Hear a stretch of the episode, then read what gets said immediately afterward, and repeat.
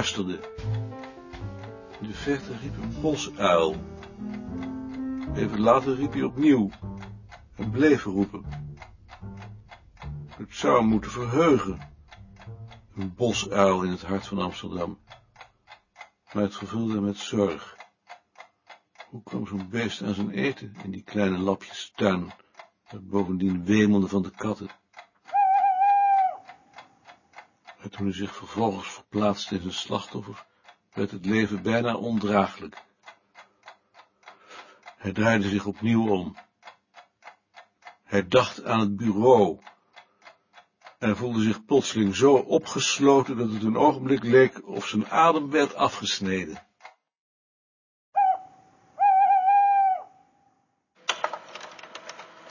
Hallo, Dit is het oudste. Je hebt het gehaald. Kan ik beginnen? Eh, ja, alsjeblieft. Koert, wie is dat? Ken je die niet? Dat is Margot Blijleven van de afdeling publieksbegeleiding. Die komt uit Amsterdam. Dit is het oudste plaatje dat wij van de zuivelfabriek hebben. En de fabriek die binnenkort in ons museum een plaats krijgt.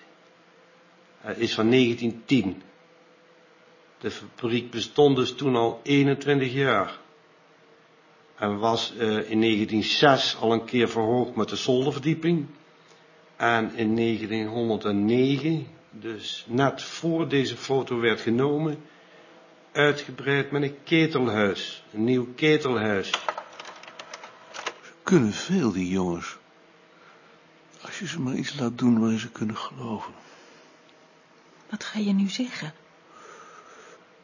Ik weet het waarachtig nog niet. Het is helemaal geen volkscultuur. Nee, maar dit is wel de kant die Piest op ons op wil. Maar wat moeten wij hier dan nog? Ehm, als we zover zijn, dan komen we nu aan het laatste programma-onderdeel van de dag. Dat is de discussie waarin we onze gasten uitnodigen om hun visie te geven op wat ze hier vanmiddag gehoord hebben. En ook hoe we in de toekomst misschien eh, kunnen samenwerken. Want dat zou natuurlijk heel mooi zijn. Ehm, eh, wil jij beginnen? Jawel. Ik vroeg me af in welk kader jullie deze fabrieksgeschiedenis willen plaatsen. Ah, het is natuurlijk veel meer dan een fabrieksgeschiedenis. De geschiedenis van het dagelijks leven. Maar zit daar nu juist niet het probleem? Het museum werd opgericht omdat als gevolg van de industrialisatie het traditionele boerenbedrijf bezig was te verdwijnen. Men wilde de herinnering daaraan voor het nageslacht bewaren. Nu niemand zich dat boerenbedrijf meer herinnert, schuiven jullie 50 jaar in de tijd op en documenteer je de oudste vormen van industrialisatie. Op die manier loop je altijd 50 jaar achter de werkelijkheid aan. Maar is dat dan niet de taak van een museum? Dat weet ik niet. Ik kan me ook voorstellen dat je aanknoopt bij een actueel maatschappelijk probleem. En dat je dat in je museum in een historisch perspectief plaatst, zodat de mensen inzicht krijgen in de manier waarop het ontstaan is. Mag ik ook wat zeggen? Ik vind dat wel interessant, maar onze opdracht is om de geschiedenis van het dagelijks leven te documenteren. Ja, zo staat het in onze taakstelling. Die zou je dan moeten veranderen. Eh, misschien kunnen we dat beter nog eens in de commissie bespreken. Dat lijkt me een goed idee, ja. Ehm, zijn er nog andere opmerkingen? Ja, wordt er ook veldwerk gedaan? Alles wat we doen is, is, is, is, is veldwerk. Nee, ik bedoel, eh, worden er nog interviews afgenomen in de streek waar die fabriek gestaan heeft? Hoe ze over die fabriek dachten? Ja, eh, hoe ze met elkaar omgingen, eh, verenigingsleven bijvoorbeeld? Volksdansen en klootschieten. Ja, zoiets, ja. Het is toch wel jullie bedoeling om nog oud-werknemers te interviewen? Ja, ja, over de arbeidsomstandigheden. Ja, bedoel ik natuurlijk ook. En wat verstaan jullie daar dan onder? Ja, wat verstaan we daaronder? De arbeidsomstandigheden. Vragen jullie ook wat ze zongen of wat voor moppen ze vertelden? Je bedoelt eh, schuine moppen? Nee, nee, die verzamelen we niet. Huh? Weet toch?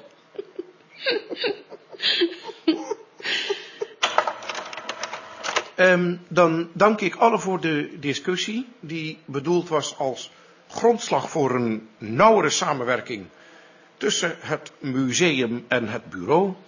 En ik hoop dat dit een begin zal zijn van die samenwerking. Ik hef het glas. Ja. En waar zijn de anderen? Okkerman, Wopma, eh, mevrouw Blijleven? Ik weet het niet en ik, eh, ik verontschuldig mij dat ik thuis gasten heb en dus zelf ook niet kan blijven. Dat komt toch niet te pas? Het is duidelijk dat ze ons niet zagen zitten. Ja, maar dat laat je toch niet zo merken? Deze bijeenkomst was toch bedoeld om kennis met elkaar te maken? Ik zal er morgen wat van zeggen. Ze zijn hier nog niet mee klaar. Kijken deze mensen het bulletin wel eens in? Nooit. Dat staat ongelezen in de kast. Maar trek je daar niks van aan. Ze lezen niets. Geen van vier. Hoi! Leuke meid. Het probleem van zo'n dag is dat ze jullie nog altijd zien als een stel klompendansers. En jij doet niets om dat beeld te corrigeren. Daar is geen begin aan. Maar ik moet hier rechtsaf. Tot ziens dan maar weer. Dag Koert. Het had geen zin, hè? Ze nemen ons niet serieus. Maar je bent toch lid van de museumcommissie? Zo'n commissie stelt niets voor. Nu hij weer alleen was tussen zijn eigen mensen, voelde hij zich bevrijd van de verantwoordelijkheden die hem waren opgedrongen. Niets maakte hem gelukkiger dan door de wereld te worden afgewezen en met een kleine groep getrouwen de woestijn in te trekken. Waar gaan we nu eten? Bij een Italiaan. En kunnen onze vegetarische vrienden daar ook terecht? Daaraan is gedacht. Dan is het goed.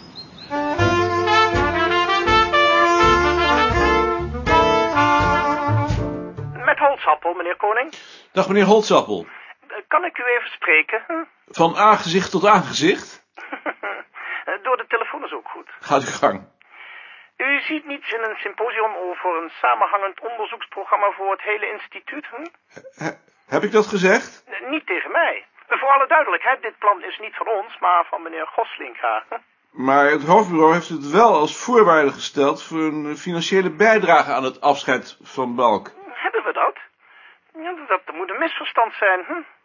Het afscheid van een directeur wordt altijd door het hoofdbureau gefinancierd. Dan heb ik dat verkeerd begrepen. Ja, dat moet u heus verkeerd begrepen hebben. Maar om terug te komen op uw vraag, ik ben er alleen tegen om dat te laten samenvallen met het afscheid van Balk. Hm. Kunt u mij dat misschien uitleggen? Hm? Ja, natuurlijk kan ik dat. Ehm, in de eerste plaats vind ik dat we dat Balk niet kunnen aandoen. Balk ziet niets in zo'n samenhangend onderzoeksprogramma.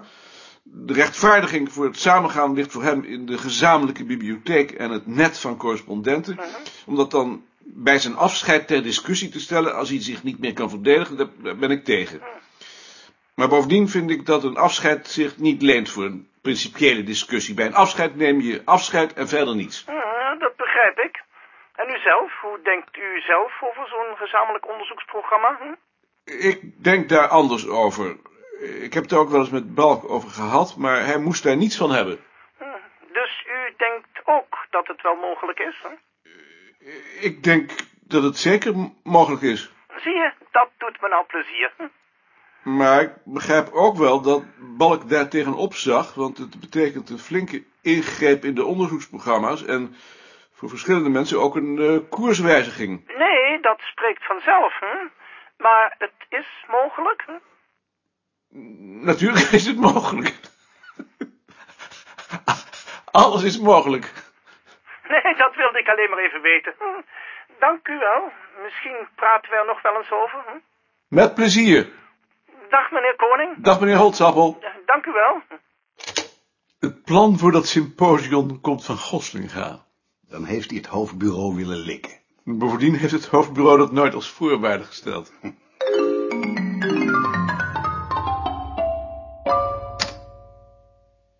Is Ad er niet? Ja, Ring. Ad praat met de hoofden over het afscheid van Balk.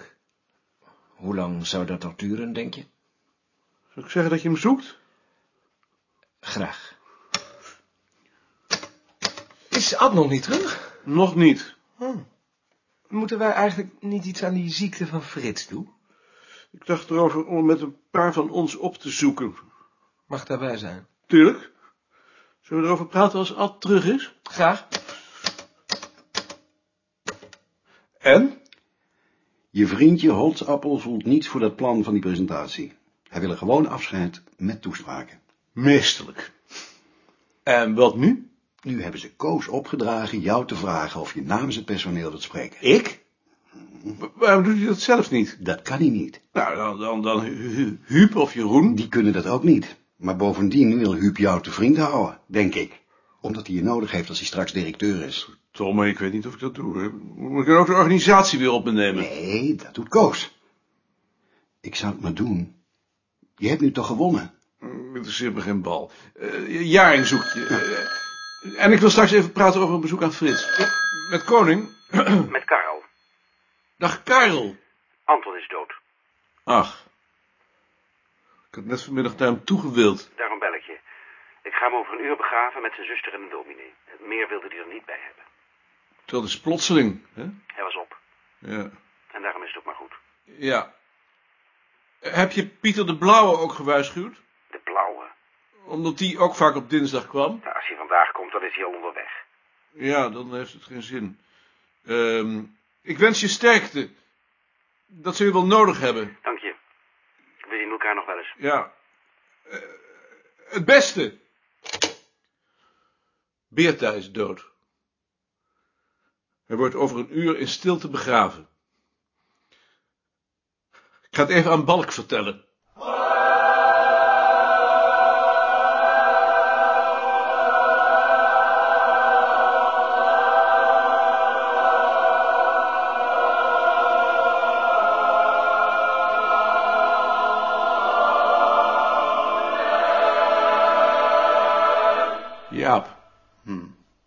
Anton is dood. Hij wordt over een uur in stilte begraven.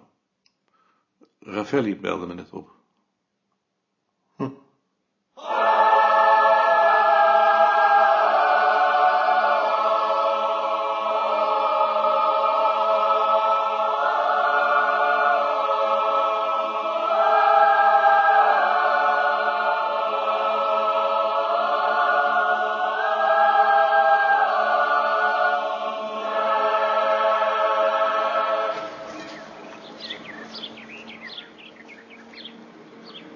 Dag, meneer Beerta.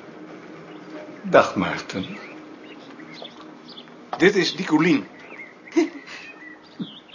Dag, mevrouw Koning. Komen jullie binnen? We komen toch niet ongelegen? Jullie komt niet ongelegen. Ik ga jullie voor. Hartstikke dood. Nee, die is hier. Hij wordt in stilte begraven. Nou, eh, door zijn vriend, denk ik. Ja, misschien ook wel. Had een heleboel vriendjes, geloof ik. Met Koning? Kom je nog even? Ja, Weet je toch? kom. Ik bel je nog wel als ik meer weet. En anders tot vanavond.